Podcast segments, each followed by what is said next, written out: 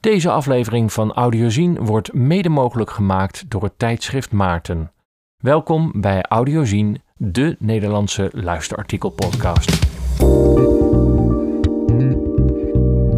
Je gaat nu luisteren naar het artikel Rijke uitgevers, arme schrijvers, geschreven door Mirjam Jansen. Voor het eerst gepubliceerd in het tijdschrift Maarten, nummer 3, september-november 2021. Vanwege corona lazen Nederlanders de afgelopen anderhalf jaar meer dan anders. Gouden tijden dus voor de boekenbranche? Dat hangt eraf wie het vraagt. Met veel uitgevers gaat het goed, maar boekhandels en schrijvers hebben het zwaar. De afgelopen winter benaderde Anne Schreun, directeur van de Koninklijke Boekverkopersbond, het kabinet, fractievoorzitters en Kamerleden met een alarmerend verhaal. Boekhandels dreigden in te storten. Ze moesten sinds half december hun deuren gesloten houden en liepen daardoor het grootste deel van hun omzet mis. Maar er kwam nauwelijks een reactie. De politici vonden dat ze wel belangrijke zaken aan hun hoofd hadden. Zelfs partijen die cultuur, onderwijs en kennis hoog in het vaandel hadden staan, gaven geen sjoegen. In andere landen mochten boekhandels open blijven, maar in Nederland niet. De onverschilligheid bleef tot Schreun in maart een open brief in NRC publiceerde. Ze zegt: Als we doorgaan zoals nu, ontnemen jullie Nederland al te veel moois en kleurrijks. Ze wees erop dat enkele tientallen van de 1500 boekhandels hun deuren al definitief hadden gesloten. Voor een deel als vroeg pensioen, maar ook omdat ze door corona geen perspectief meer zagen. Het aanbod dreigt in te storten door politieke onverschilligheid, zei ze. Pas toen drong de boodschap door. Het leidde tot een motie van D66-Kamerlid Romke de Jong, waarin hij voorstelde een garantiefonds van 20 miljoen euro in te stellen voor boekhandels. De motie werd breed gesteund. Dus eindgoed al goed? Nou, nee. Het zal boekhandels volgens Schreun nog jaren kosten om de schade in te halen. Bovendien verkeerden velen al in een moeilijke positie. In de jaren voor de coronacrisis vertoonde hun marktaandeel al een krimp. Eveline Aandekerk, directeur van het CPNB, bevestigt dit beeld. De boekenmarkt is in 2020 gegroeid, maar de fysieke boekhandel heeft er het minst van geprofiteerd. Door de winkelsluiting vorig jaar zijn er anderhalf miljoen boeken minder verkocht via de boekhandels. Nederlanders kochten vorig jaar 41 miljoen boeken, 4% meer dan het jaar daarvoor. Dat was goed voor een omzet van bijna 600 miljoen euro. De afzet van fictie steeg met 4%, die van non-fictie daalde met 6%. Of het goed of slecht gaat met de boekenindustrie is voor een deel een kwestie van perspectief. Martijn David, secretaris van de groep Algemene Uitgevers, constateert dat er het afgelopen jaar veel hel en verdoemenis is gepredikt, maar dat de schade toch lijkt mee te vallen terwijl het garantiefonds nog moet gaan uitkeren. De winst is wat hem betreft in elk geval dat het grote belang van de boekhandels is gebleken. Volgens Schreun zijn fysieke boekhandels voor klanten aantrekkelijk omdat ze er advies kunnen inwinnen en kunnen rondsnuffelen.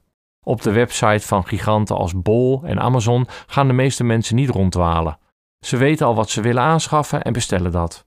De boekhandels hebben in coronatijd op allerlei manieren geprobeerd hun klanten te bereiken, bijvoorbeeld door boeken aan huis te bezorgen, vaak zonder daarvoor extra kosten in rekening te brengen.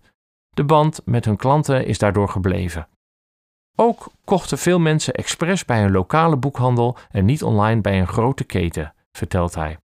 Toch hebben ook de lokale boekhandels hun online verkoop de afgelopen tijd uitgebreid.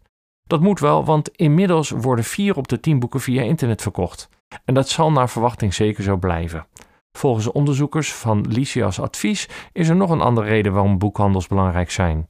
Met hun uitstraling dragen ze bij aan een goed winkelklimaat. Ook de culturele evenementen die ze organiseren verhogen de aantrekkelijkheid en leefbaarheid van een winkelgebied. Het coronajaar heeft sommige ontwikkelingen in de boekenbranche versneld. Volgens Aan de Kerk van het CPNB heeft het lezen en luisteren via een e-bookabonnement als Storytel en Kobo een hoge vlucht genomen. Voor een vast bedrag hebben lezers dan onbeperkt toegang tot heel veel titels. De omzet van deze tak is vorig jaar met 46% gestegen.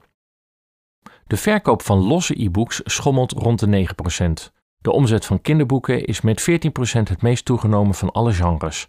Waarschijnlijk doordat de bibliotheken maanden gesloten waren en ouders zich realiseerden dat ze toch de leesvaardigheid van hun kinderen op peil moesten houden. Martijn David vindt de opkomst van het luisterboek opvallend. Hij zegt: In Scandinavië is dat al heel groot, kennelijk breekt het nu hierdoor. Waarschijnlijk hangt de populariteit samen met de opkomst van de podcast. De manier waarop mensen informatie tot zich nemen verandert. Maar of uitgevers nu massaal al hun boeken zo gaan aanbieden, is volgens hem de vraag. De investeringen zijn hoog en die zijn niet zomaar terugverdiend. Een trend die steeds verder doorzet is de bestsellerisering van de boekenmarkt. Een beperkt aantal titels doet het heel goed, al is de oplage daarvan tegenwoordig wel minder hoog dan vroeger. De afstand tussen de best verkopende titels en de onderkant van de markt is enorm. De absolute topper in 2020 was Lucinda Riley. Ze stond met maar liefst zes titels van haar Zeven Zussen cyclus in de top 10. Onder meer op de eerste plaats met Zon, waarvan ze 227.000 exemplaren verkocht. En met De Zeven Zussen op plaats 3 met een verkoop van 162.000 stuks. De meeste mensen deugen van Rutger Bregman bereikte de tweede plaats met 214.000 exemplaren. Voor debutanten en minder bekende auteurs is het moeilijker om door te breken, constateert David. Hij zegt: De verschillen zijn nog meer toegenomen, maar weinig boeken dragen bij aan de winst van de uitgevers. De bestsellercultuur is volgens hem ook doorgedrongen tot de bibliotheken. Hij zegt: Die bestelden vroeger breder. Ze willen nu ook boeken die iedereen leest. Overigens leenden de bibliotheken vorig jaar nog altijd 42 miljoen boeken uit, al was het dan wel een kwart minder dan het jaar daarvoor. Schreun wijst erop dat juist fysieke boekhandels van belang zijn om de minder bekende auteurs onder de aandacht te brengen, want die attenderen hun klanten nog wel eens op andere titels dan de bestsellers. De positie van de boekenschrijvers is onverminderd slecht. Maria Vlaar, voorzitter van de Auteursbond, maakt zich ernstig zorgen om hun inkomenspositie. Ze zegt: een rapport van SEO Economisch Onderzoek uit 2019 laat zien dat ruim 3000 mensen bij uitgeverijen en boekhandels een inkomen halen uit het boekenvak. En dat er 22.000 schrijvers en vertalers zijn, maar dat die het minst verdienen. Uit het SEO-onderzoek blijkt dat 55 auteurs een modaal salaris of meer verdienen aan royalties en 60 schrijvers daaraan een inkomen overhouden tussen het minimumloon en modaal. De rest kan er dus niet van bestaan. Volgens het SEO-onderzoek willen ook lang niet alle schrijvers dat. Ze vinden het blijkbaar al lang mooi dat ze kunnen publiceren. Maar Vlaar meent dat hoger opgeleide specialisten van hun werk zouden moeten kunnen leven. Ze zegt dat lukt niet omdat de oplagers lager zijn dan vroeger en omdat de taart niet eerlijk wordt verdeeld. Het verdienmodel waarbij auteurs maar 10% van de verkoopprijs krijgen, moet echt anders. Auteurs zijn de bron en juist zij worden uitgehold. Ze gaan er noodgedwongen andere dingen naast doen of in eigen beheer uitgeven, zodat ze een groter deel van de royalties krijgen. Een kant-en-klare oplossing heb ik niet, maar het zou misschien goed zijn om eens te kijken naar het coöperatieve model dat de bezige bij vroeger hanteerde. Alle auteurs deelden toen in de winst. Voorlopig blijft de financiële positie van schrijvers in elk geval moeizaam. Door corona hebben auteurs ook nog eens de pech gehad dat ze niet konden optreden in boekhandels, op scholen en in culturele centra, zegt Aan Kerk. Terwijl velen van hen daar juist een aanzienlijk deel van hun inkomen uithaalden. Toch is de ambitie om schrijver te worden nog onverminderd groot, zo merkt Marlies Bonneke, literair agent en directeur van online schrijversacademie Editio. Maar debuteren is moeilijker dan vroeger. Ze zegt: In coronatijd zijn veel meer mensen gaan schrijven. Tegelijkertijd zijn bij uitgevers manuscripten op de plank blijven liggen. Uitgaven zijn steeds uitgesteld, waardoor er nog veel te publiceren boeken aankomen. Uitgevers zijn minder bereid om risico's te nemen met onbekende auteurs. Bekende namen krijgen makkelijker een boek uitgegeven. Toch vindt Bonneke dat beginnende schrijvers moeten doorzetten. Veel debutanten willen vooral schrijver zijn, maar in ploeter om die status te bereiken hebben ze minder zin. Terwijl dat volgens Bonneke nou juist zo nodig is. Ze zegt: Je moet doorgaan, dan word je een betere schrijver. Het is ook een ambacht, talent wordt zwaar overschat. Intussen is de boekenbranche in een hevige strijd om de tijd van de consument verwikkeld. Nederlanders zijn minder en anders gaan lezen. Dat heeft onder meer te maken met demografische veranderingen. Zo hebben inmiddels 4,3 miljoen mensen een migratieachtergrond. Zij lezen minder dan autochtonen en hebben andere voorkeuren. Turkse en Marokkaanse Nederlanders houden bijvoorbeeld meer van religieuze boeken. Ook lezen ze, net als Surinamers en Antillianen, graag informatieve teksten en non-fictie. Inwoners met een Nederlandse achtergrond hebben een sterke voorkeur voor spannende fictie en literaire romans. Maar de grote verschillen zijn die tussen jong en oud. Van de 65-plussers leest 90% elke week. Onder jongvolwassenen en tieners is dat veel minder. Vooral de laag opgeleiden onder hen raken zelden een boek aan. David vindt het een zorgelijke ontwikkeling. Hij zegt: Jongeren kunnen slecht lezen en hebben er ook geen plezier in. Het is een complex probleem waar scholen, bibliotheken en uitgevers op moeten inspelen met een goed aanbod. Gevraagd wordt waarom ze geen boeken lezen, antwoorden jongeren dat het te veel inspanning en concentratie kost, er in boeken weinig gebeurt en dat andere bezigheden nu eenmaal leuker zijn. De grote concurrenten zijn social media, games en series. Degenen die wel van lezen houden, geven aan dat ze vaak niet weten waar ze moeten beginnen. Ze hebben moeite het aanbod te overzien.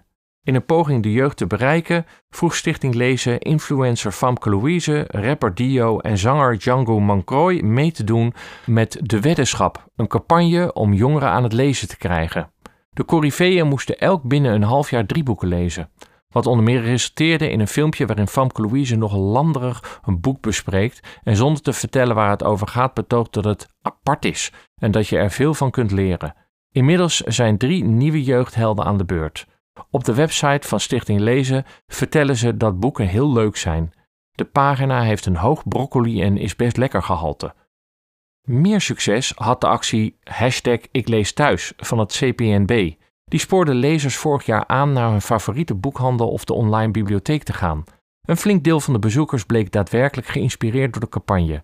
Naast dit soort acties heeft het CPNB de online lezerscommunity Hebban overgenomen om zelf het publiek te enthousiasmeren. Mensen zijn veel online, daar willen we ze bereiken, zegt Aan de Kerk. Ze constateert dat er in de media veel aandacht voor lezen is, ook op de televisie. Programma's als De Vooravond, M en Humberto hebben volop items over boeken. Ook Omroep Max maakt er veel ruimte voor. De VPRO lanceerde dit voorjaar Brommer op Zee, maar dat moet zich nog bewijzen. Deze opvolger van het geflopte Mondo, dat weer een opvolger was van het opgeheven VPRO Boeken, trok het eerste seizoen rond de 100.000 kijkers. Toch denkt aan de kerk dat alle beetjes helpen. Al is er geen grote trekken meer als De Wereld Draait Door, dat in één klap een miljoen potentiële levens kon bereiken met zijn boekpanel. Martijn David ziet de toekomst van de boekenmarkt ondanks de moeizame kanten met vertrouwen tegemoet. Een sterke troef is wat hem betreft de vaste boekenprijs die in 2005 is ingesteld en prijsconcurrentie moet voorkomen. En hij roemt het Centraal Boekhuis, het collectieve magazijn van de Nederlandse uitgevers en boekhandels. Hij zegt: Het Centraal Boekhuis bestaat al sinds 1871 en iedereen kan via dit bedrijf de distributie laten verzorgen.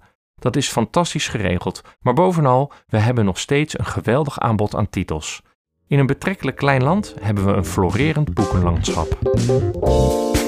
Nog benieuwd naar andere luisterartikelen? Abonneer je dan op de Audiozine podcast in je favoriete podcastspeler. Je kunt ons vinden en volgen via audiozine.nl en je kunt ons mailen op podcast.audiozine.nl.